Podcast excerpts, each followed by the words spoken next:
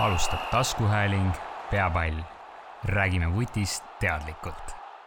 tere tulemast kuulama taskuhäälingut Peapall, kus oma ala asjatundjad arutavad Eesti jalgpalli ja jalgpallurite mõtestatud arendamisest. selleks, et kuulajatele ei jääks siin ühtegi vale arusaama, siis täpsustan enne podcast'i algust üle, et siin saates öeldud väited on kõik saatekülalise isiklikud seisukohad ja ta ei esinda siin oma klubi, siis alaliitu või mõnda muud asutust. ja meie seekordse episoodi teema on klubi jalgpall, kus räägime klubide tekkimisest, nende eesmärkidest ja loodetavasti jõuame ka uurida, kuidas välismaal asjad käivad. mina olen Silver Grauberg ning koos minuga on täna stuudios Aivar Pohlak ja Ott Järvela. tervist! tere! Aivar on siis äh, ilmselgelt kõigile juba teada, aga Eesti Jalgpalliliidu president äh,. Aivar, kuidas äh,, kuidas, kuidas sa hindaksid, kas oskad öelda, mitme klubi loomise juures sa oled äh, otseselt seotud olnud, jalgpalliklubi loomise? no ei oska, aga kindlasti üheksakümnendatel ikkagi, ikkagi väga paljud, et, et, et üks eesmärke tollal oli ju maha täita lastega ja et ja, ja laste, laste, lastega ehk siis tol ajal siis Flora juhina me ikka külvasime seda seemet nii palju, kui, kui jaksasime ja, ja, ja ütleme nii, et hiljem oli, oli igavene vaev neid kõiki siis neile kõigile taskuraha anda ja neid kõiki nagu üleval pidada ja nad kõik, kõik ka mehele saada, et kui võtta, et tütred tuli ju mehele panna, eks ole mm. -hmm. et aga mingiks hetkeks sai see protsess kuidagi nagu lõpule ja, ja, ja noh, hästi lihtsalt võib-olla väljendades, et, et miks tol ajal, miks seda tegi Flora, mitte Jalgpalliliit, et Flora oli tol ajal lihtsalt Jalgpalliliidust jupp maad, ma ei tea, tugevam organisatsioon või, või ta, võimalused olid suuremad kuidagi selliselt kirjeldada seda, et üheksakümnendatel. ma võin võrdluseks öelda, et ma olen olnud siis ühe klubilaadse moodustise moodu-, moodustamise juures, et äh, sõpradega tegime Rahvaliiga võistkonna, siis kui Rahvaliiga alustas kaks tuhat kümme. aga siis äh, noh, klassivendadega koos tegime, koolistaadionil hakkasime mänge pidama, aga see, see projekt siis jõudis üheksa hooaega kenasti lõpule, sellepärast et äh, noh, inimestel tekkisid pered ja ütleme, Rahvaliiga jaoks enam aega ei olnud. nii et ma olen ühe klubi edukalt, no see ei ole klubi, no see oli võistkond, alustanud ja, ja ka lõpetanud mm. -hmm jah, nagu siin Ott Järvela juba kirjeldas, siis tema on juba ühe klubi juures ka olnud, aga. see ei ole mu põhitegevus jah, jalgpalli juures ma selles mõttes olen jalgpalliajakirjanikuna olen jah, pea varsti juba pea kakskümmend aastat, natuke üle isegi jah jah, ja praegu töötab siis jalgpalliajakirjanikuna, ajakirjanikuna soccernet.ee-s. just. jah, ja lähmegi siis meie tänase saate teema juurde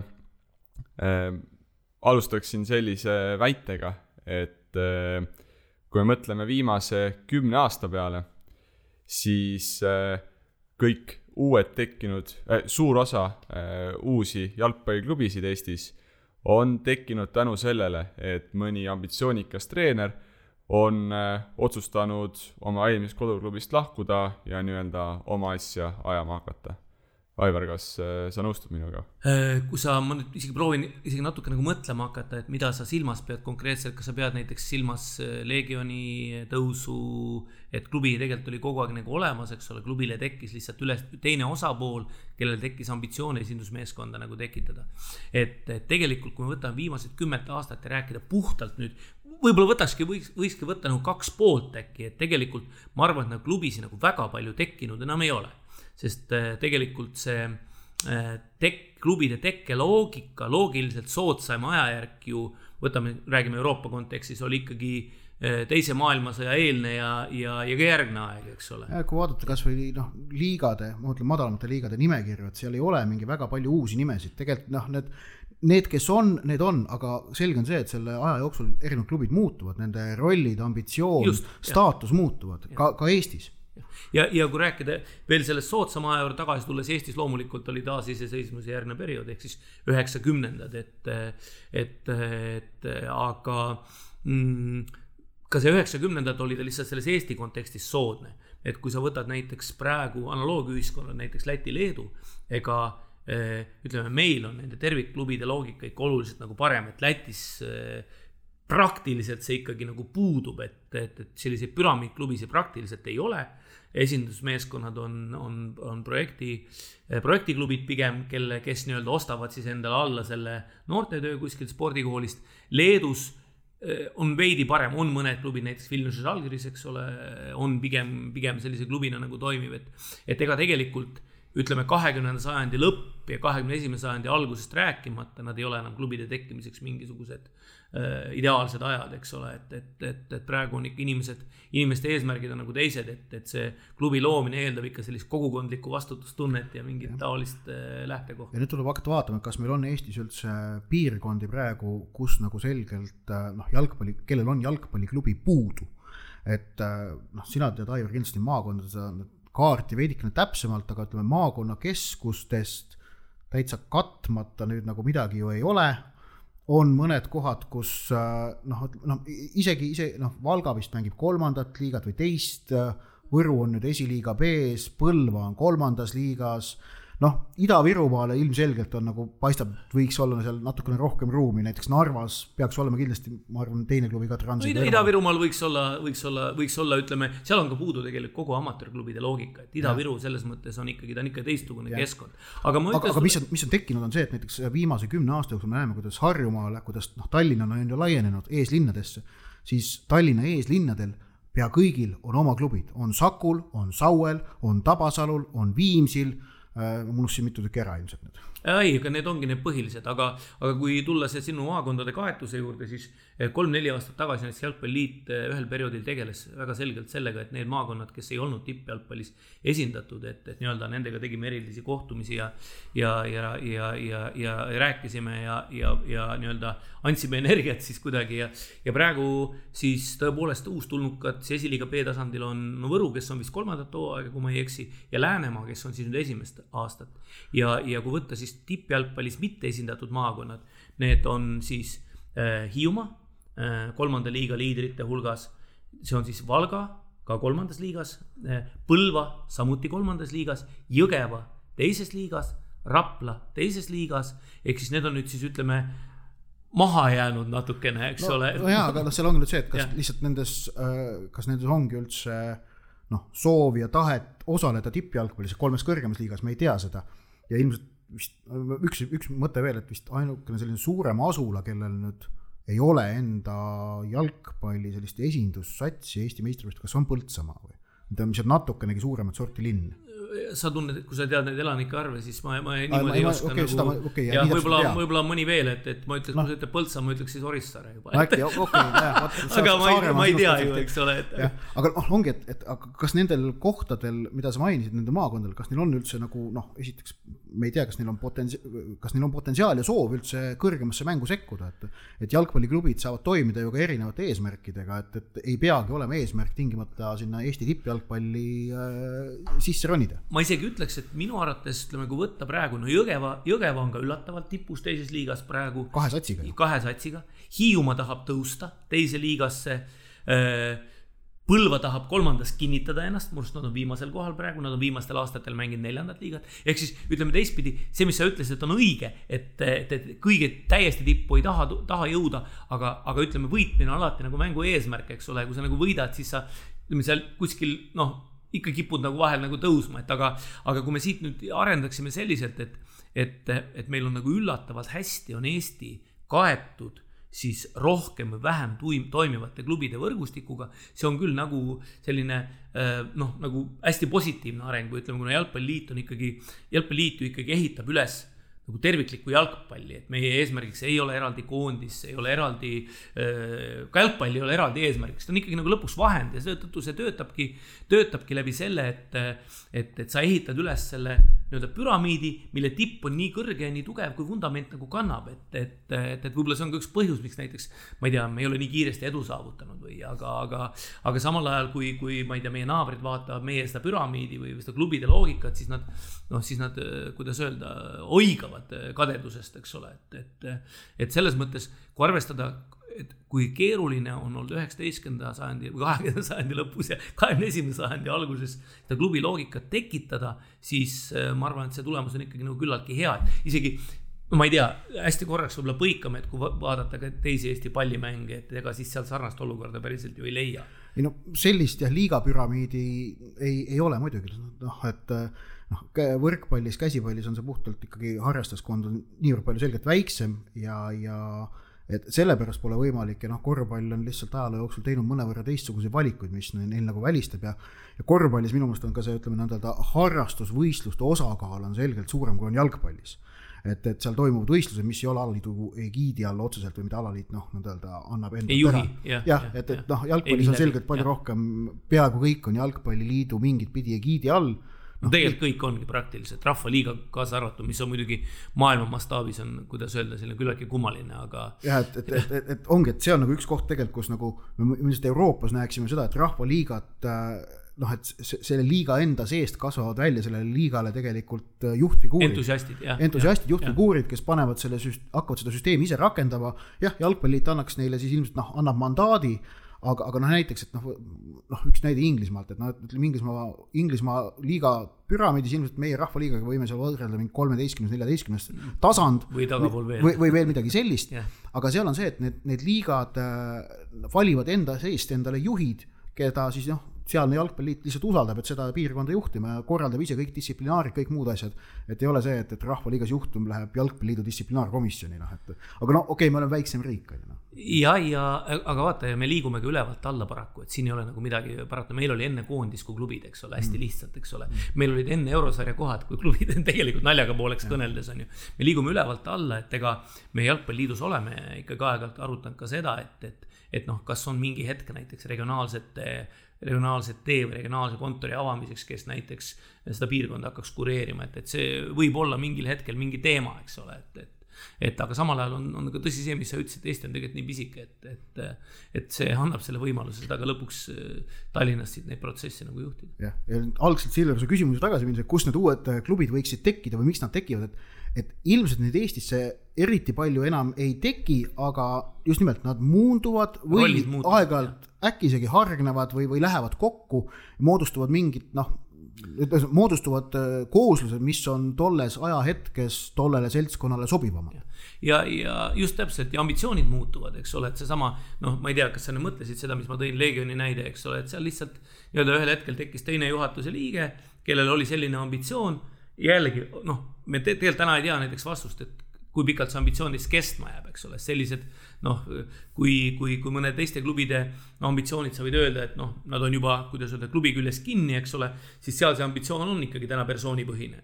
näiteks, eks ole, et, et ja ja, ja jah, aga samal ajal, kui hakata praegu niimoodi mõtlema, et ega ma nagu väga palju isegi siit tipp kolmest liigast eh, ei oskagi nagu leida, pigem need ambitsioonid on ikkagi igal pool juba enam-vähem nagu klubipõhised, eks ole, et, et, et eh, ja selliseid, selliseid ütleme nii, et noh, kuhu taha võiks küsimärke panna, ega neid nagu väga palju ei ole, see stabiliseerub ja see ongi nagu, see ongi nagu väga-väga tähtis, eks ole, et, et eh, jah. Äh väga pikk sissejuhatus juba. selline lühike, lühike sissejuhatus. Et äh, aga ma sain sellise vastuse siit, et tegelikult äh, Eesti kaart sisuliselt on juba küllaltki hästi kaetud erinevate klubidega ja teie hinnangul nagu uusi klubisid väga tekkinud ei ole. just selle põhjusel ka, et tegelikult see Äh, see piirkonnad on nagu kaetud ja sinna ei ole nagu väga sellist ruumi, et pigem nagu kas üks tõuseb, teine langeb, natukene liidetakse, kuskilt tuuakse mingid treenerid kokku ja nii edasi, aga.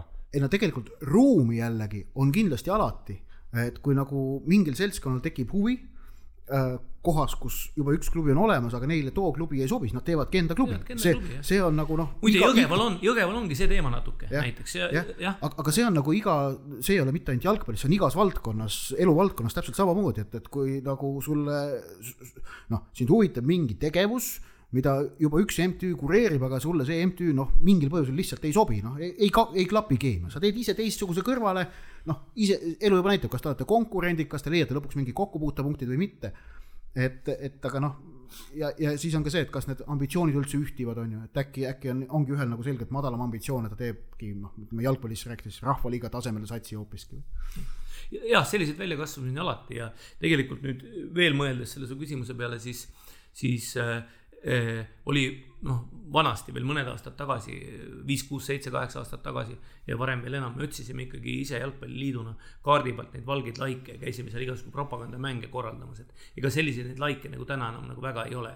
meenuski mulle selline koht nagu Räpina näiteks, kus eh, me käisime siis propagandamängu mängimas ja, ja, ja siis äh, oli sihuke tore vastuvõtt siis seal valla ja, ja siis ka kohalike poolt ja siis aga siis järgmine päev käis seal Eesti Olümpiakomitee delegatsioon ja siis äh, vallavanem sosistas kõrva äh, olümpiakomitee toonasele presidendile ja ta ütles, et ärge jalgpalli siia laske. Et see, et, et selline tagasiside tuli siis sealt, et, et äh, jah, et, et see on ka mingi moodi see Eesti kultuuri kihträpinas oli tollal kõva kossu sats, kusjuures äh, mäletan, et spordikooli direktor mängis ise tolles mängus vuti meie vastu ja no oli selline noh, ütleme selline maasool, seda tüüpi sihuke pikk noor mees, kes oli samal ajal ta oli nagu, ta oli meist nii vaimustuses, ma ei mäleta, kes meil seal kõik kaasas olid. Madis Kallas muuseas oli kaasas toonane Kuressaare linnapea, kes eh, siis olnud peaaegu kaheksa tuhande punkti mees kümnevõistluses, et tema jaoks oli seal nihuke äkki oli Mart Poom ka kaasas, et, et tema jaoks oli see nii soliidne, et tema oli nagu no,, oli, no sa näed, ta oli nii õnnelik, no see selline noh, selline teise Eesti spordimees, teine Eesti heas mõttes, eks ole mm, -hmm. selline spordimees, et tema nagu, tema nagu, tema ei osanud nagu seda, selle üle nagu muretseda, ta rõõmustas meie üle, aga, aga võib-olla siis vallavanema kaudu järgmine päev äkki tema mure siis peegeldus olümpiakomiteele. üks koht, millest võib, mis, mis nagu võib märkida, kus nagu võiks tegelikult uusi klubisid tulla, aga kust vist, ma mõtlen just nimelt siis meistrivõistluste liigasüsteemi, aga kus vist väga ei ole tulnud, on ikkagi, et rahvaliigast ei kiputa üles tulema. ei, tulevad, tulevad, ütleme nii, et võib-olla ei tule nii palju, kui me tahaksime, aga võib-olla me tahame liiga palju.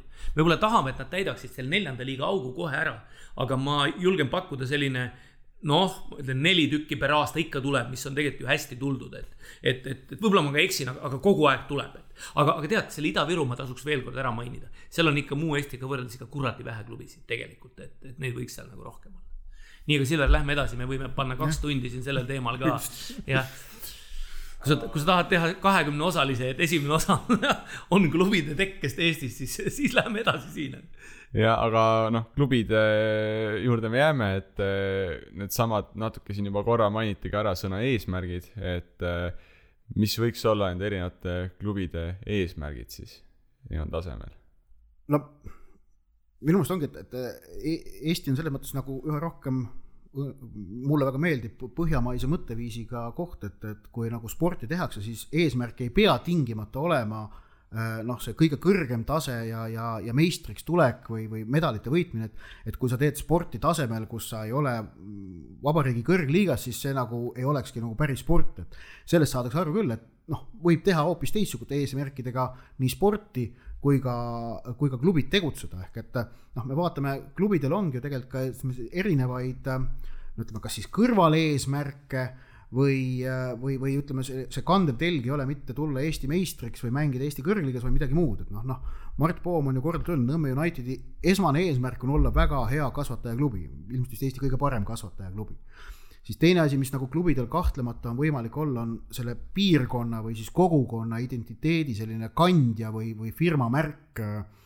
noh, nii jalgpalli sees, Eesti spordiväljal kui ka tegelikult isegi laiemalt, et, et noh jalgpalli seest ma arvan, et näiteks noh, mul on tunne, et Vändra Vaprus on üks selline väga nagu tubli sats või, või klubi, kes nagu noh, hoiab, klubi. Ho, klubi just, kes hoiab nagu Vändrat äh, kaardil jalgpalli sees on ju ja, ja on üks väheseid asju, mis Vändral, Vändral on veel ette näidata, on Rein Taaremäe, Tanel Kangert, aga noh, nad, nende Vändraga seostamine ei ole niivõrd sage, eks ole. Angerja kasvandus on seal nüüd äkki. okei okay., aga, aga samuti siis noh, vaatame Eesti nagu spordivälja veidike laiemalt, siis, siis noh äh,, käsipall on Põlva äh, kaubamärk, saalihoki on Jõgeval kaubamärk, käsipall on Kehral kaubamärk, Raplal on äh, noh, vahepeal oli korvpall neil väga selgelt nagu nende see kaubamärk, no nüüd see Rapla kossusatsil on veidikene keerulisemad ajad olnud.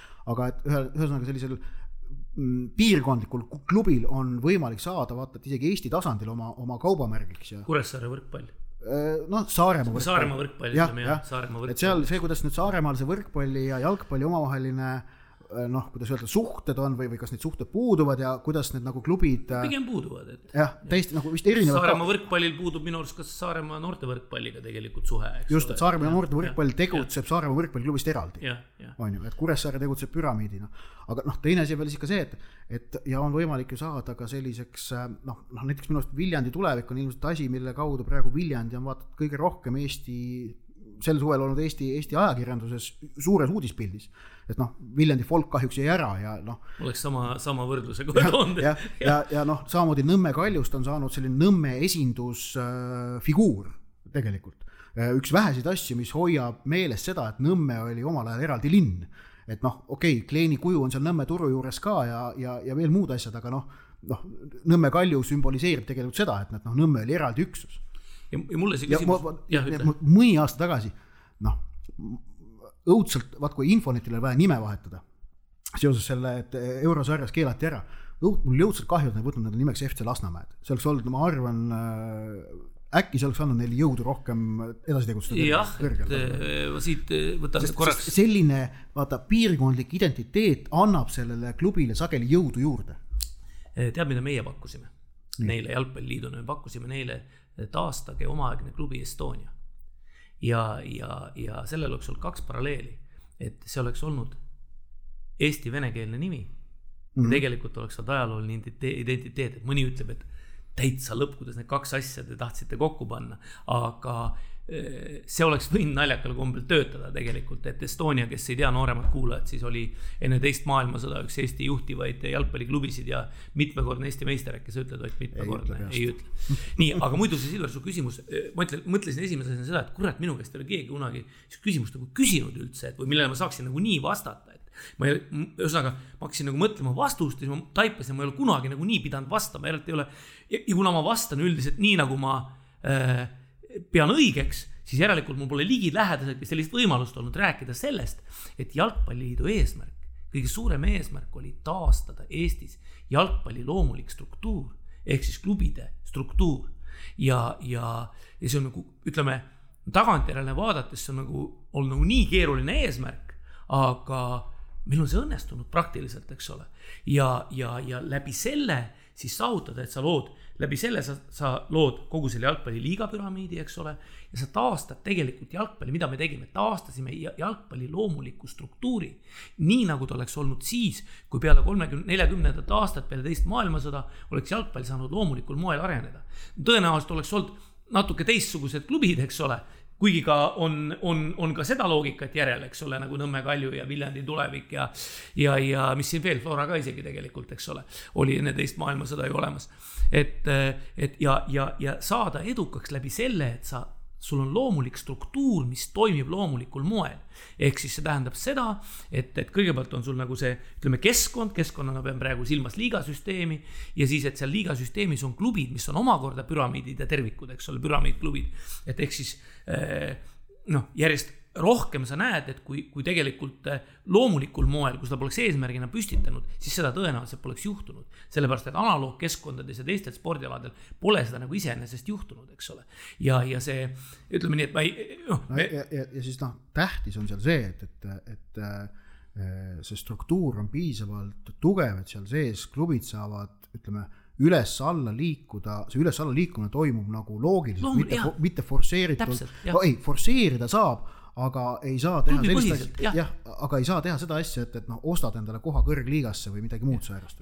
see enam, see enam õnneks reaalne ei ole. ja, ja siis selles püramiidis iga klubi võtab koha sisse alguses vastavalt oma ambitsioonidele. Mm. taseme tõusuga ambitsioonid asenevad võim-, asenduvad võimetega ehk siis vastavalt reaalsele võimekusele ja, ja muuseas näiteks, et selle aasta eh, solidaarsusmehhanismid minu arust kirjeldavad nagu hästi ära selle, et, et kuna majanduslikud tingimused võrdsu-, võrdsustusid veidi, no ütleme siis, aga võrdsustusid mõnevõrra, siis kompetentsi tähendus kasvas kohe kompetentsi jah, olulisus tulemuses. jah, tulemuses, eks ole, et ehk siis see on selline nagu hästi pikk protsess, mis lõpuks, lõpuks ütleme nii, et täna ta on endiselt võib-olla mingit. sa tegid siis komplimendi praegu Sander Postile muuhulgas näiteks jah, muuhulgas näiteks või ütleme laiemalt siis Viljandi tulevikule võib-olla, kuna sa ise juba selle tõid. me Ott leppisime kokku, et me väga personaalseks ei lähe, eks ole, et, et oleme positiivse poole pealt ju võib, aga, aga siis äkki tunneb ennast ka keegi puudutatuna, et, et, et ehk siis ehk siis selline on nagu see loomulik ja loogiline areng, kus, kus veel praegu ma ütleksin, domineerivad pigem ambitsioonid ma ei kritiseeri, ma kirjeldan lihtsalt, milline see olukord on. aga ajapikku kasvab see üle selleks, et hakkavad, hakkab kompetents, võimekus ma ei tea, töötahe, äh, ma ei tea, innovaatilisus, see ei ole mitte nüüd see, et, et, et viid kõik üle IT-põhiseks, vaid, vaid see, et, et kuidas sa suudad nagu leida siis nagu oma nägu ja seda nagu realiseerida, eks ole. ja, ja, ja, ja igaüks saab leida oma koha vastavalt oma, nagu sa ütlesid, et mingi kõrvalaspekt on, eks ole. kui sa hakkad praegu mõtlema, siis igal klubil tegelikult ka meil tipus on mingi teine argument, miks ta seal, ma pean silmas premium-liigat, esiliigat, esiliiga B-d, miks ta seal on, eks ole. mingi nüanss on alati mingi olemas. nüanss on alati olemas ja nüanss on väga erinev. olgu see siis see palju naerdud eh, hea inimese kasvatamine või tubli inimese kasvatamine või, või midagi muud, eks ole, mingi nüanss on seal alati nagu olemas.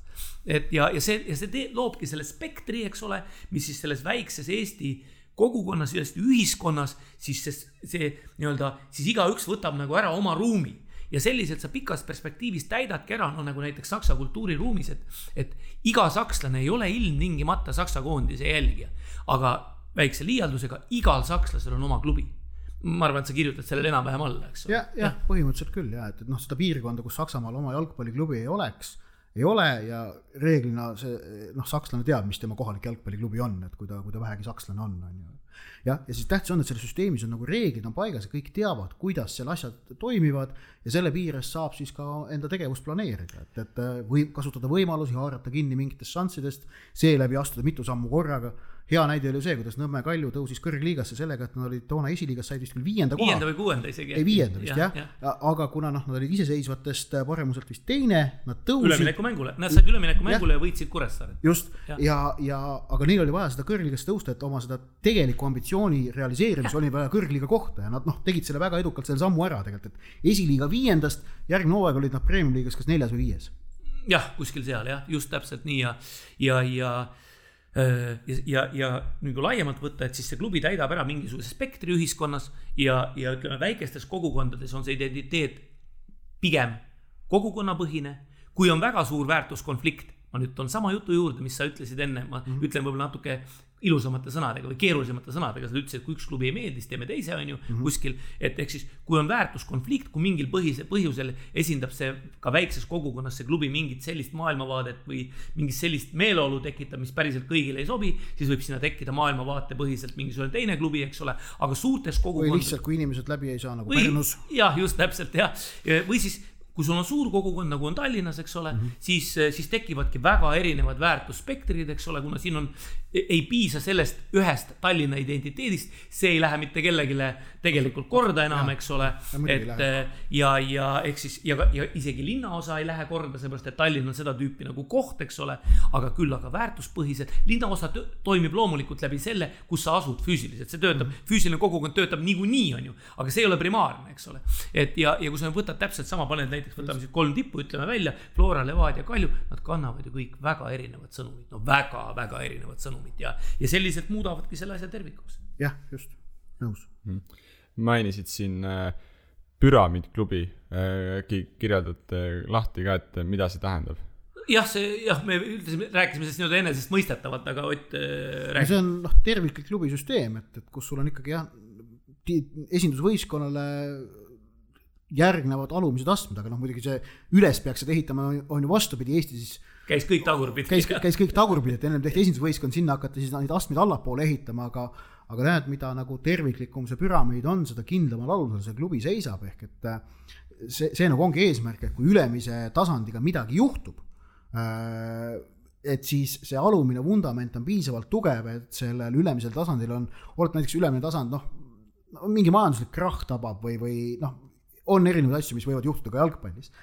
Et või noh, ütleme esindusvõistkond näiteks noh, kus, kui, kui eelarvest väga oluline osa tuleb peasponsorilt või, või midagi sellist, et oletame, see sponsor kaob ära, esindusvõistkond peab noh, tegevuse sisuliselt kokku tõmbama, siis äh, see alumine osa on piisavalt tugev, et sellel esindusel on võimalik mõne aasta pärast uuesti kuskile uuesti tõusta, et noh, et et noh, Eestis ma ei tea, kas meil, mis meil selline hea näide on tuua, kes on nagu uuesti üles tõusnud? no räägime Sillamäe Kalevist näiteks, kes püüab uuesti üles tõusta, eks ole, et, et neil on, nad ole, neil oli eelmine aasta oli õigus esiliiga B-sse kas tõusta või vähemalt üleminekumänge mängida, ma nüüd ei mäleta, kuidapidi see oli, aga no nad ei saanud sellepärast, et, et neil on litsents ära võetud ja neil on võlgnevused, et nad ei saanud tõusta tagasi litsenseeritavale tasandile, aga seal on puhtalt, ühesõnaga ülemine osa, ütleme siis niimoodi, et täpselt juhtus see, toetajad kadusid ära, peatoetajad kadusid ära, siis nii-öelda päike kõrvetas selle ülemise taime ära, aga juurikas jäi sinna alla alles, see vundament ja sealt kasvab nüüd uus. spordikool seal või noh, spordikool või klubi seal toimib, et noh, kohalikul omavalitsusel. klubi ikka, klubi ikka, jah, jah, jah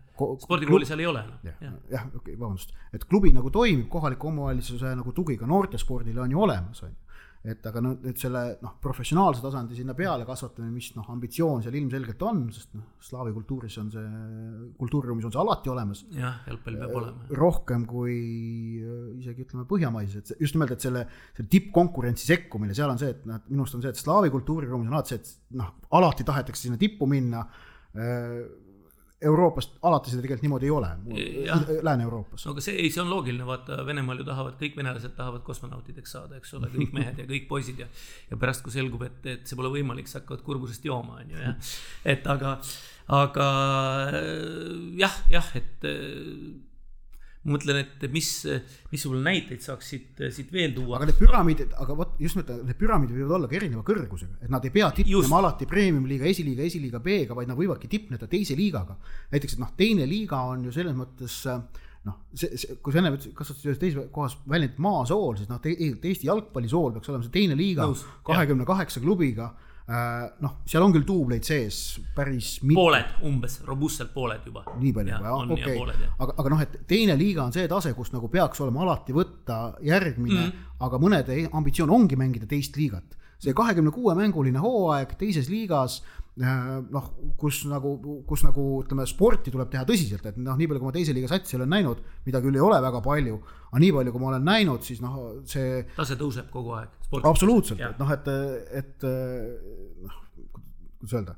Aivar, sina mängisid kunagi kõrgliigat, et kas sina oma toonase vormiga praegu teises liigas, äh, kuidas saaksid hakkama?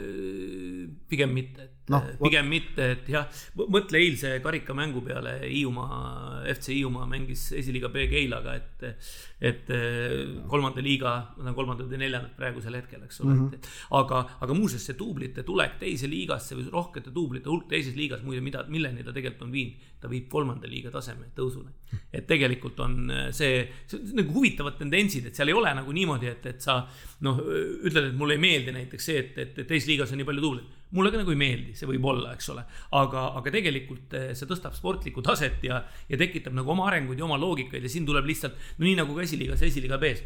juhatus reglementeeris selle teatavate loogikatega ära ja nüüd duublitel on oma püramiid, mida mööda nemad tegelikult nagu liiguvad. aga need näited, mis ma veel tahtsin tuua, on see, et sa ütlesid nagu hästi, et püramiid on erineva kõrgusega, tegelikult nad võivad olla ka erineva tihedusega, eks ole, eh, erineva seal võib olla ka veel oma naiste püramiid, eks ole, sees. seal püramiidil võivad olla ka ütleme siis nagu, nagu eh, ütleme, jalgpalliliit kirjeldab siis sellist topeltpüramiidi, eks ole, see on siis nagu eh, tippjalgpall ja harrastusjalgpall, kus püramiidi alumised osad jooksevad nagu omavahel nagu kokku, aga, aga ülemised osad kõrguvad nagu eraldi. et tegelikult ka ütleme siis nagu ühes kõige võimsamas klubipüramiidis peaks olema teil ka samasugused loogikad. mitu tippu. mitu tippu, eks ole, et või siis, või siis näiteks noh, naiste tipp on ja, näiteks ja, teine. kõige ideaalis kogu see klubipüramiid käib siis oma seda, neid esindusvõistkondi, nii meeste kui ka naiste oma, vahel ka harrastajate oma üheskoos toetamas. toetamas täpselt jah, ja, ja, ja ütleme siis eh, ka, kui see, kui see klubipüramiid on nagu väga võimas või ütleme siis, mida võimsam ta on, seda rohkem kasvab sealt ka välja siis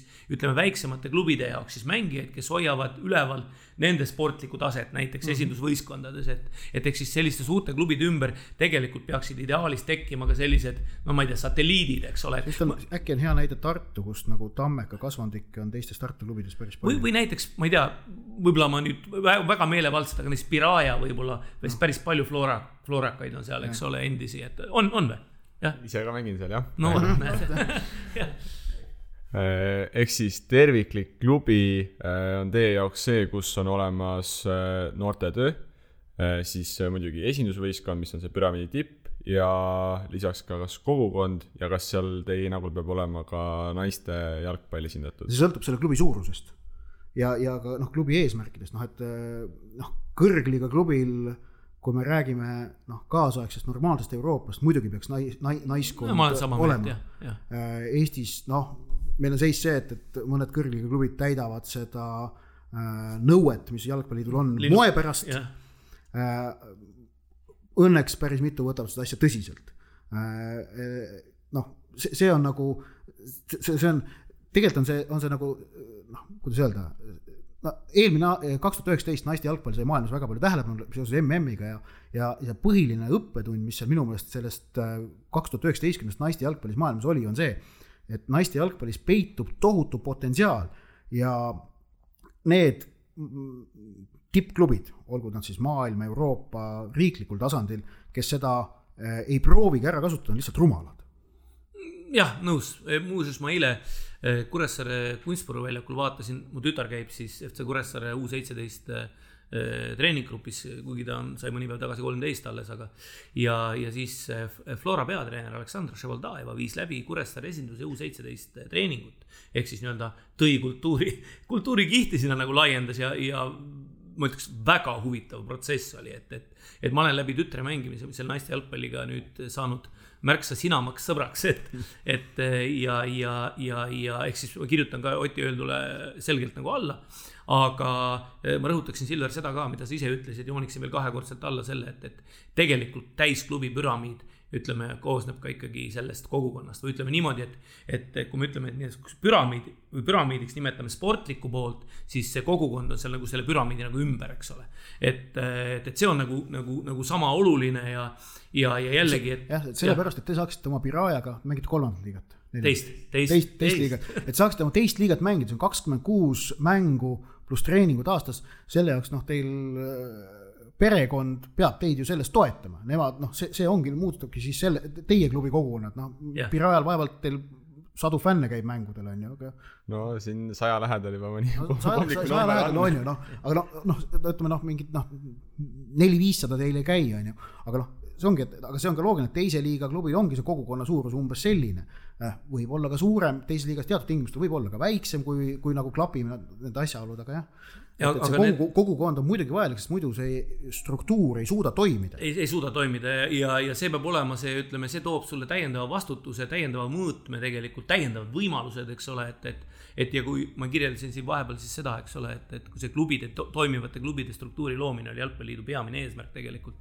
et me oleme ka siin väga selgelt samm-sammult liikunud, eks ole, et seesama kogukonnajuhtide toomine mängu siis äh, Jalgpalliliidu poolt finantseeritavate kogukonnajuhtide, kui praegu vaatame, nad on nüüd töötanud, et poolteist aastat, eks ole, noh, pluss piloot oli, oli, ei olnud, kus see piloot oli, ei mäletagi. Flora Tammeka ja Trans oli äkki piloot, eks ole. et eh, kui vaatame, mida teevad meil publiku numbrid, see on üks asi, eks see on nagu ainult tagajärg, et tegelikult nad on ehitanud üles kogukondi, eks ole, seal ümber ja see läheb järjest rohkematele inimestele korda. ja, ja, ja, ja jälgijaid on üha rohkem ja rohkem ja, ja rohkem. see, et, et kordaminek, see, et see klubi võistkond kordama läheb, nagu me ennem ütlesime Saksamaa näitel ka, et see, et igal sakslasel on oma klubi olemas, ei tähenda, et seda klubi vaatamas käib. aga tal noh, mingi väikene osa kasvõi sellest hingest on tal teada, et aa, et see on minu jaoks ka tähtis asi. Mm. paljude muude tähtsust asjad, mõne jaoks on see tähtsus moodustab noh, null koma null üks protsenti, aga ta on kuskil seal olemas, on ju. mõne jaoks on see, on ju üheksakümmend kaheksa protsenti, on ka selliseid inimesi olemas, kelle elust üheksakümmend kaheksa protsenti moodustab nende jalgpalliklubi. et noh, igalühel see kuskil on see mingi puutumus olemas, millal oli Saksamaal mm kaks tuhat kuus või? just. jah, siis ma olin enne finaali olin Saksa saatkonnas, kutsuti mind rääkima jalgpallist ja, ja, ja, ja siis eh, Saksas tollane saadik ei, ei või kindlalt väita, et oli see kõige tähtsam saadik, et seal oli igasuguseid vähem tähtsaid saadikuid ka. ja tema nimetas eh, siis ühel hetkel, kui rääkisime sellest kultuurist, jalgpallikultuurist ja siis ta ütles, tead, ma ausalt ütlen sulle, et ega ma Saksa koondist ei, ei jälgi, et, et, et tegelikult ma ei jälgi, on ju. aga, ja siis ütles, aga vot klubi, siis ütles klubi nime. no võid arvata, ma polnud sellest kunagi kuulnud eh, ja, ja ei suuda seda meenutada. aga vot seal alati, kui võimalik, ma lähen kohale, kui ma kodus olen ja, ja, ja muidu jälgin iga kord, iga ma tean täpselt, kuidas nad mängisid ja nii edasi ja nii edasi ja nii edasi, et, et, et. No, Saksamaa koondise jälgimine, selles mõttes üpris igav asi ka, sellepärast et noh, valik, valiksarja jälgimine täiesti mõttetu, nad lähevad sealt alati läbi, mitte mingit küsimust ei teki. ja siis sa vaatadki kord kahe aasta jooksul finaalturniiril noh, enamasti kuus mängu või seitse mängu, noh, eelmine kord juhtus, et vaatasid kolm mängu, noh äh, ma mõtlesin, et, et sa ütled nüüd niimoodi, et, et ja siis hakkad ka alates poolfinaalidest vaatama, et enne ei ole mõtet. ja siis avastad, kurat, polegi. jah, ei, aga, aga see vist on ka päris nagu tõsine asi, mis Saksamaal toimub, et noh, Venemaal toimunud MM-il paljud sakslased planeerinud, nad sõidavad siis noh, kaheksandikfinaaliks kohale, aga no polnud enam kuhugi sõita mm. -hmm. siin naiste jalgpalliga seoses tuli üks sihuke mõte pähe, et kas Eestis on üldse mõni klubi, mis äh, tegelebki ainult äh, naiste jalgpalliga? Äh, varem oli, ma mõtlen, kas ka praegu veel on, kas, kus, kas Koplis mingi seltskond äkki on, aga nad ei mängi ametlikult selliselt. Nad minu arust tegelevad ainult tüdrukutega aga nad mängivad erinevate teiste klubide all, näiteks nad mängivad Kohtla-Järve all praegu naiste esiliigat ja äh, kahjuks äh, minu arust on neil kümne mängu väravate suhe null kuuskümmend kaks või midagi sellist. aga ma mõtlen, kas on mõnda veel, on klubisid, kus naiste jalgpall on domineerivas positsioonis, näiteks Põlva Lootus, eh, kelle esindusnaiskond on praegu naiste meistriliigas äkki neljandal kohal, võib-olla viiendal kohal, neljas-viies ja kus mehed on siis kolmanda liiga seal tagumiste hulgas et, et selliseid on. BJK oli kunagi, Pärnu jalgpalliklubi oli kunagi ainult naistega mängisid. noh, Saku Sporting pole see, et, et naiskond mängib medalile, meeskond on kolmandas, kolmandas liigas, liigas, keskmik ja, ja. aga, aga no üldiselt, kui me vaatame nüüd, vaatame Eestist välja, Euroopa trend praegu selgelt on see, et naiste eh, jalgpalliline tegevus liigub meeste tippklubide alla või, või noh, nende all on halb öelda, aga no ütleme noh, nende, nende sisse nende sisse kõrvale yeah., et noh, ühe, ühe, ühe vihmavarju alla. et see, seal on äh, lihtsalt noh, niivõrd palju muid loogikaid, mis toetavad seda, et nagu tegutseda üheskoos, et kasvõi puhtalt see brändi väärtus juba annab juurde. et kui sul on Manchesteris jalgpallinaiskond, siis kui selle naiskonna nimi on Manchester, Manchester United või Manchester City, siis tema väärtus mm. ja atraktiivsus on niivõrd palju, tohutult palju suurem, kui ta oleks mingi muu nime all mängides ja, ja noh, pluss on ütleme noh, Euroopas on tõsi ja näha, et need tippklubid on väga selgelt äh, asunud naiste jalgpalli tegema investeeringuid, noh, Inglismaal on see praegu väga jõuliselt käima läinud, aga tegelikult ka Hispaanias, Itaalias, noh, Saksamaa ja Rootsi on selles mõttes need, kes olid nad tegelikult naiste jalgpallis pioneerid, kus olid ka er iseseisvad naiste jalgpalliklubid olemas, e, eriti just Rootsis, on ju et äh, ma, ma seda ausalt ei olegi uurinud, kas nüüd Rootsis on hakanud ka sama protsess toimuma. on hakanud naistele... lähenemine, aga nad on piisavalt ikkagi veel, veel eraldi. muuseas, mulle meenus üks, üks siiski juba nime poolest klubi, mis saabki tegeleda ainult naistega, et Saaremaal on nimelt selline klubi nagu jalgpalliklubi Saare Piiga, et.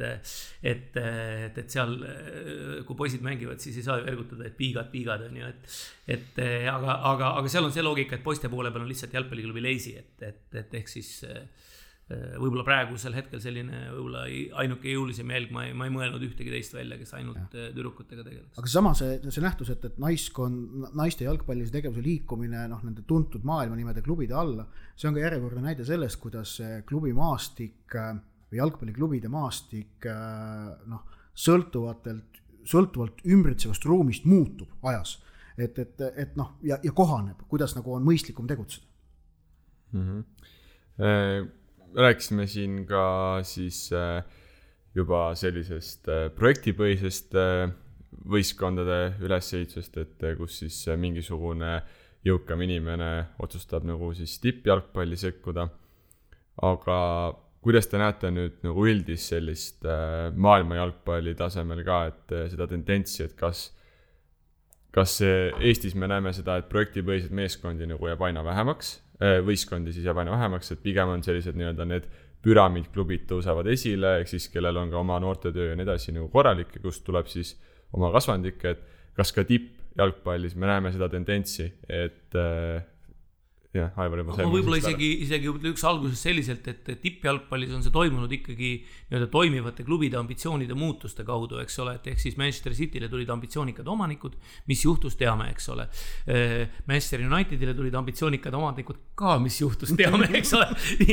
võib minna hästi, võib minna halvasti, et noh, et BSG samamoodi ja nii edasi ja nii edasi ja nii edasi, et päriselt seal maailma jalgpallis ütleme, me ei saa nimetada neid projektipõhisteks klubideks, et seal tulevad ikkagi noh, Abramovitš tuli Chelsea'sse sisse, ta ikkagi püüdis teda ehitada toimivaks klubiks väga-väga selgelt, eks ole, et, et jällegi rohkem või vähem see õnnestus, eks ole, loomulikult noh, tipus ta ju kogu aeg on, et või tipu lähedal, et, et see on nagu iseküsimus, aga seal toimub pigem see ambitsioonide ja see muutus, eks ole, et, et, et kuidagi selliselt, et sellepärast, et suurtel turgudel noh, sa ei, sa, sa, sul ei, sul ei ole mõtet, ütleme mingid, mingid rikkad šeigid kuskilt, noh, nad ei äh, osta ju ära mingisugust äh,, ma ei tea äh,, Cannes'i klubi kuskilt neljandast liigast, ei hakka sellega tulema üles, nad ostavad no. pigem Paris Saint-Germaini siis juba, eks ole, et jah ja,, no ja. Pariis Saint-Germaini oli selles mõttes oli, oli noh, ahvatlev osta, et tema nagu Prantsusmaal võitma panemine oli suhteliselt lihtne ülesanne, Prantsusmaa konkurents oli üpriski nagu noh, tagasihoidlik. Samas noh, osteti ta eesmärgiga Euroopat vallutada, mis neil siiamaani õnnestunud ei ole, võib-olla me räägime pooleteist nädala pärast seda, et nad on, on selles õnnestunud, välistada ei saa. välistada ei saa jah jah ja. ja., kuigi ma ise arvan, et Man City võib sel aastal just nimelt see kõige ohtlikum see meistrite liigas olla ähm,. Äh, aga, aga noh, näiteks Inglismaa Premier League'i, kuhu ju nüüd tahtis, tahtsid tegelikult Saudi Araabia noh, šeigid, ütleme siis nende kohta, osta Newcastle Unitedit ja hakata tegema sellega ilmselt midagi sarnast, mida Araabia Ühendemiraadi šeigid tegid Man City'ga. okei okay,, neil keelati see seal ära, sest et Saudi Araabia riik on paha noh, teinud, teinud erinevaid, kusjuures noh, tegevusi lõpuks ei keelatud ära inimõiguste pärast, vaid sellepärast, et nad olid piraat te, teleõigustega piraate teinud. see selleks, aga, aga mul on tunne, et noh, näiteks Inglismaa Premier League'i sekkumine selle ambitsiooni rahuldamise eesmärgiga on üha nagu mõttetum tegevus, sest seal on niivõrd karm konkurents.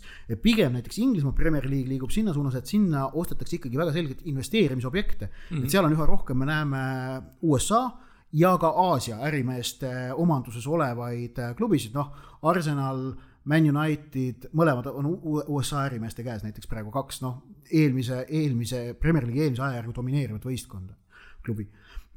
Arsenal on küll ameeriklasel Usbekiga kahasse, on see Usbek või?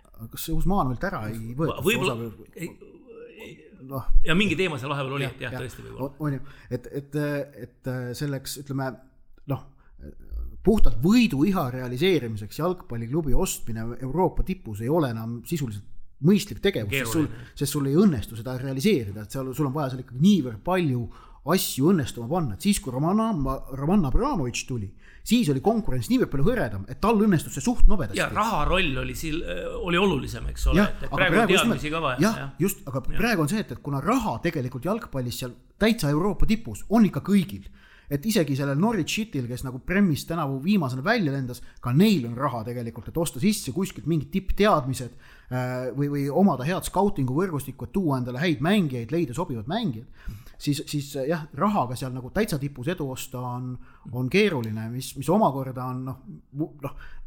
hea näide minu arust on Manchester United, et pärast Fergusoni erru minekut kuus-seitse aastat otsisid nad noh, nii ja naa ostsid kokku igasugust rämpsu väga kalli raha eest üheksasada üheksakümmend seitse miljonit on minu arust see summa, mis nad on kulutanud peale Fergusoni mängijate ostmist. aga sats, mis nüüd praegu mängib ja mis nagu tegelikult ka tekitab Unitedi toetajates sellist noh, elevust, et pagan, et see siit nüüd tegelikult äkki midagi võib tulla, siis selle kandvad jõud on enda kasvandikud Rashford ja äh, Greenwood kaheksateistkümne aastasena klubisse toodud Martial ehk et noor mängijast ise kasvatatud mitme aasta jooksul äh,. samuti noh, nüüd tänavu tõusis esile vasakkaitsja Williams, ka vist üheksateistaastane kutt on ju, De Gea, kes toodi kahekümne ühe või kahekümne kahesena sinna satsi. et noh, et, et see. pikalt klubis olnud mängijad. jah, et ja. ise vor-, ise mängijate vormimine on ikkagi sinna tippu jõudmiseks üha nagu soositum variant, et see, see nagu kindlam, riski on vähem ja, ja ma võib-olla, võib-olla mõtleks korraks ka selliselt, et, et natukene see praegune periood, vaata too Newcastle'i ost, eks seal oli ka segased ajad olid üheks põhjuseks, miks nad ühel hetkel, nad küll põhjendasid seda nii-öelda teiste põhjustega, aga ütleme nii, et praegu on siiski maailmas segased ajad ja, ja ma ei välistaks, et see tendents, millest me praegu kõnelesime, ehk siis ütleme siis, nimetame seda nüüd ilusasti, suurinvestorite või, või omanike tulek tippklubidesse, see võib väheneda, see tendents võib väheneda. samal ajal kui see olukord stabiliseerub, siis võib ka siin stabi-, olukord nagu stabiliseeruda. et aga, aga praegu, kui, kui sa küsiksid mu käest prognoosi, siis ma ütleks, pigem väheneb praegu. aga me ja. räägime seal praegu nüüd täiesti Euroopa tipptasemest, et see, kas ja kuidas see kõik nagu jõuab siin, ütleme, Euroopa keskriikide, keskmistesse riikidesse või väikeriikidesse, kuidas see nagu siin, siinset jalgpalli mõjutab, et see on nagu nüüd omaette teema juba. aga, aga, aga meil noh, ütleme niimoodi, et jällegi vaata, eestlane on ikkagi väga konservatiivne ja, ja, ja kui siin mõnikord on küsitud, et huvitav, et miks Eesti rikkad ei taha keegi tulla ja teha omale klubi, Eesti rikkad on teistsugused e, eestlased eriti, eks ole, et. et võtamegi, noh, Viktor Levada, ta ei ole eestlane, eks ole, tema kirg ja emotsionaalsus on nagu teistsugune ja. ja, ja siin on või Andrei Leškin mingil perioodil Infonetiga, eks ole, või, või siis Sillamäe taga olnud vennad, eks ole, ehk siis inimesed tähendab.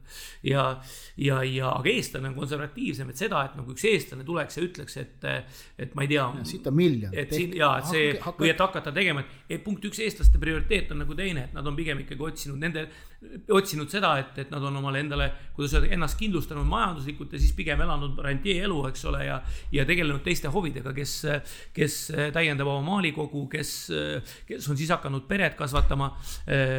tervitused siitpoolt neile kõigile, et aga et eestlased ei ole sellist, et, et ma hakkan nagu tegema mingit sellist emotsionaalset, eestlased on ratsionaalsemad lihtsalt ja, ja, ja mis muidugi, mis on ka nagu ja, normaalne. sest noh, Eestis jalgpalliklubi kasumlikult tööle panna niimoodi, selle pealt kasumit teenida, see on. see on ebareaalne. see on ebareaalne. see on ebareaalne jah, see on ebareaalne.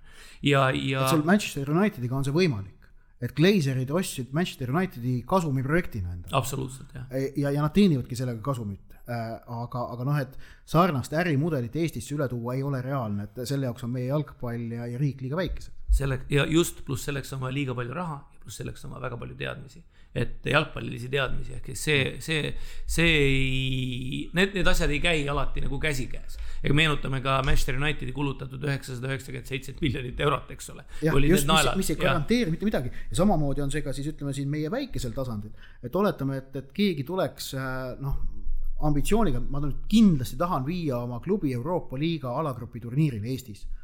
oletame, et, oletame, et see, see inimene noh, on valmis sinna klubisse investeerima Äh, kümme miljonit eurot aastas, see peaks Euroopa reeglitega isegi lubatud olema, sest sul on kolme aasta peale tohid sa kolmekümne miljoniga miinuses olla. kui sa iga aasta paned kümme milli sisse, siis see on lubatud. jah, aga neil on, jah, okei okay,. oletame, aga oletame, et sa paned Eestis kümme milli sisse enda sellesse kõrgliga klubisse ja aga see kümme miljonit ei taga sulle Euroopa liiga alagrupi turniirile jõudmist mitte mingi variandiga. sellepärast, et jaa, ei, sa muidugi võid sinna jõuda. Äh, kui, kui nagu võistkond mängib hästi ja, ja loosiga väga kehvasti ei lähe. aga noh garantii on seal nagu no ikka väga kaugel, et me räägime noh, viiekümne protsendilisest šansist. ja, ja, nüüd on, nüüd on see, et just nimelt nagu ja ratsionaalne ärimees säärast otsust kindlasti ei tee. kui ta on emotsionaalne ärimees äh, noh, ärimees, no see võib olla, ütleme, investor on parem sõna öelda, ei pea olema ärimees, on ju siis ta võib muidugi seda teha, äh, aga noh, jah, neid emotsionaalseid investoreid äh, pigem on äh, noh, neid emotsioone on võimalik leida ka muudest valdkondadest kui jalgpall. no ma ei tea, võtame ka veel selliseid, ma ei tea, kui palju on Eestis inimesi näiteks, kui sa, võtame samas sinu kolmekümne miljoni näite, eks ole mm. -hmm. et, et, et ütleme niimoodi, et kui inimene nagu ütleme, on, ütleme, see emotsionaalse, ratsionaalse tasakaal on enam-vähem paigas. noh, et kinkida kolmkümmend miljonit näiteks ära selliselt, et sa oled tohutu jalgpallifänn, palju sul tegelikult siis peaks raha olema? ma arvan, kolmsada peaks olema umbes vaba raha, eks ole kui palju on üldse Eestis inimesi, kellel on kolmsada miljonit vaba raha, kas üldse on selliseid inimesi? et see on ka nagu vaata Venemaal ja, ja Araabia maades on need inimesed olemas tegelikult, eks ole. ehk siis kellel ei ole mitte kolmsada miljonit, vaid on. ja isegi sellistes noh, riikides, endistes Nõukogude Liidu vabariikides a la Moldova, Armeenia, ka seal on selliseid inimesi vist rohkem kui Eestis. jaa, absoluutselt, isegi Lätis on selliseid inimesi tõenäoliselt rohkem, et, et, et või, või ütleme, Läti seos nagu Venemaaga on natuke jõulisem, eks ole, et, et kui meenutada. samas selle üle, et, et, et ne, seal on neid inimesi rohkem, ei tasu nüüd kurvastust tunda, kui me vaatame muud elu, elukeskkonda ja standardit. ma tahtsin just sedasama öelda, et kas meile meeldiks, kui Eesti tippklubi omanik oleks Venemaal taga otsitud näiteks nagu, nagu juhuslikult FC Riiaga on, eks ole, et, et aga ja võib-olla meeldiks vastupidi, eks ole, jah, et aga, aga, aga mina nimetaks ikkagi sellist äh, välja kujunenud kultuurikihti, mida me üritame siin üles ehitada, ehk siis toimivate klubidega ikkagi jätkusuutlikumana ja. ja kuna meil see konkurents nüüd ikkagi Premium liigas on küllaltki arvestatav, siis ma ei kujuta hästi ette, et siia veel saaks sisse tuua. vaata, lisaks on meil, mis, mis on äh, erinev, on see või, või mida tasub ära rääkida, mängijad on ju lepingute all tegelikult, eks sa ei saa tulla lihtsalt niimoodi, et räägid vennad ära, eks ole, sa pead tegelikult ostma arvestatava koguse eestlastest mängijaid UEFA litsenseerimise loogika ütleb, et sa pead olema äh, selleks, et üldse mängida litsenseeritavates liigades, sa pead olema kolm aastat äh, olnud liidu liige kõigepealt, eks ole. et ehk siis noh, tegelikult sa pead hakkama alt tulema või siis nii-öelda ostma. olema kannatlik. ja olema kannatlik, on ju, aga, aga jällegi noh, see noh, see samas jällegi, et noh, et äh, hakata neljandast liigast tulema ja iga, iga, iga hooajaga ühe, ühe liiga taseme võrra tõusta noh, ütleme esiliiga B-sse jõudmine ilmselt ülearu keeruline oleks mõistliku rahasumma. kas Leegion hakkas tulema kolmandast või ja. teisest, vist kolmandast? Paide ju hakkas tulema neljandast liigast mm., Paide tuli ju, ju selle kumakesega tuli sealt eh, ludinal alt, ta ju, ta ju tuli kuni, kas tuli meistriliigani, tuli aasta liiga? ei ütle peast sulle. jah et, et, et, et nii, et noh, see on, loomulikult on see nagu võimalik, aga, aga noh, need loogikad on nagu, nagu, nagu aga teised, sa pead tohutult armastama. jah, ja see on muutunud, aga samas on selge see, et see on praegu on oluliselt keerulisem, kui see oli sel ajal, kui, kui Paide mängis. ja, ja noh, põhjus on siis see, et, et Eesti nagu kogu klubisüsteem on muutunud selgelt väga palju nagu orgaanilisemaks, et noh, kõik on omavahel üha loogilisemas seostes. ja, ja noh, sinna sisse siis enda selle koha leidmine kuna konkurents on ka, siis ongi keerulisem. nii, äh, saateaeg hakkab meil vaikselt äh, lõppema. Äh, võtame selle teema kokku. Ott, mis sulle siit kõlama jäi? no mis minu jaoks nagu on, on klubispordi arendamisel on, on nagu võtme, võtmesõnad on, on see, et, et mida rohkem on orgaanilisust ja vabatahtlikkust, seda tugevam tegelikult on kogu see süsteem nii see konkreetne üks klubi kui ka see keskkond, milles see klubi tegutseb nii siis sportlikus mõttes kui ka ühiskondlikus mõttes.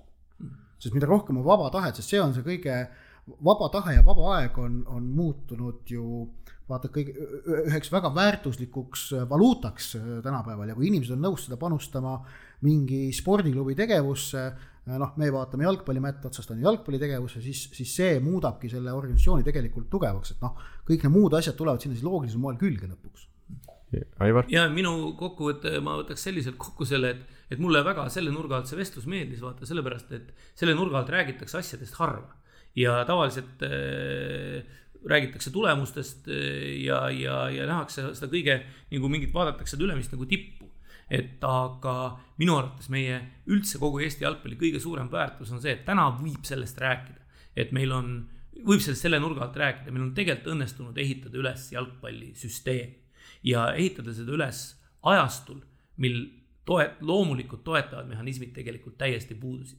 ja ma arvan, et nüüd, kui eriti veel, kui selle nurga alt nagu rääkida, oskavad nagu paljud vaadata ka, kui eh, noh, seda toimuvat nagu sellisest, sellise nurga all, eks ole, et, et a la Äh, kogukonnajuhid järgmisest aastast, loodetavasti järgmisest aastast, noortetööjuhid, eks ole.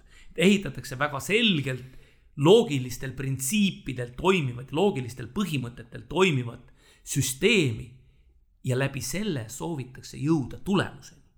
ja mm, ja see ja ütleme nii, et kogu jalgpallisüsteemi vaates on see nii, aga tegelikult on see ka klubipõhiselt vaadates täpselt samamoodi. eks ma mõtlen, kuidas ma seda sõnastaks, et võib-olla tänane konkurents tipus juba sunnib neid, kes seal tipus tahavad püsida, hakata samamoodi mõtlema ja.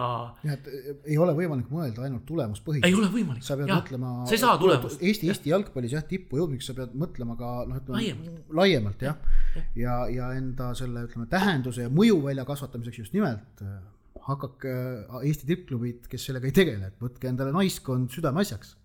Näiteks üks moodus, aga no seal moodusid on veel. seal on, seal on nii palju asju, sul ei saa olla ainult esindusmeeskond, sul peab olema korralik duubel, sul peab olema seal all korralik noortetöö. sa ei saa ehitada üles ainult imporditud mängijatele ja. oma edu, eks ole, see on nagu ja, ja, ja selleks on ka need reeglid sellised, et motiveerida klubisid, ma nüüd räägin äh, KTM-idest ja ETM-idest, eks ole, kuna Jalgpalliliidu kaudu ja ka omavalitsuste lastevanemate kaudu investeeritakse noorte sporti meeletult raha. ja kui see visatakse lihtsalt niisama maha, kui sellele, kui ei ole motivaatorid, mis sunniksid seda osa püramiidis korralikult tegema, siis ongi asjad sidasti ja, ja, ja minule praegusel perioodil nagu tundub, et sellised ka klubipõhiste loogikate täiustamine on praegusel ajastul nagu väga, ilma nimesid nimetamata, väga aktuaalne. täpselt ma, nagu mida Ott ütles, sa ei saa tipus püsida kui sulle asjad ei toimi. ja tegelikult on täpselt, kui sul asjad tervikuna ei toimi, ainult esindusmeeskond toimib.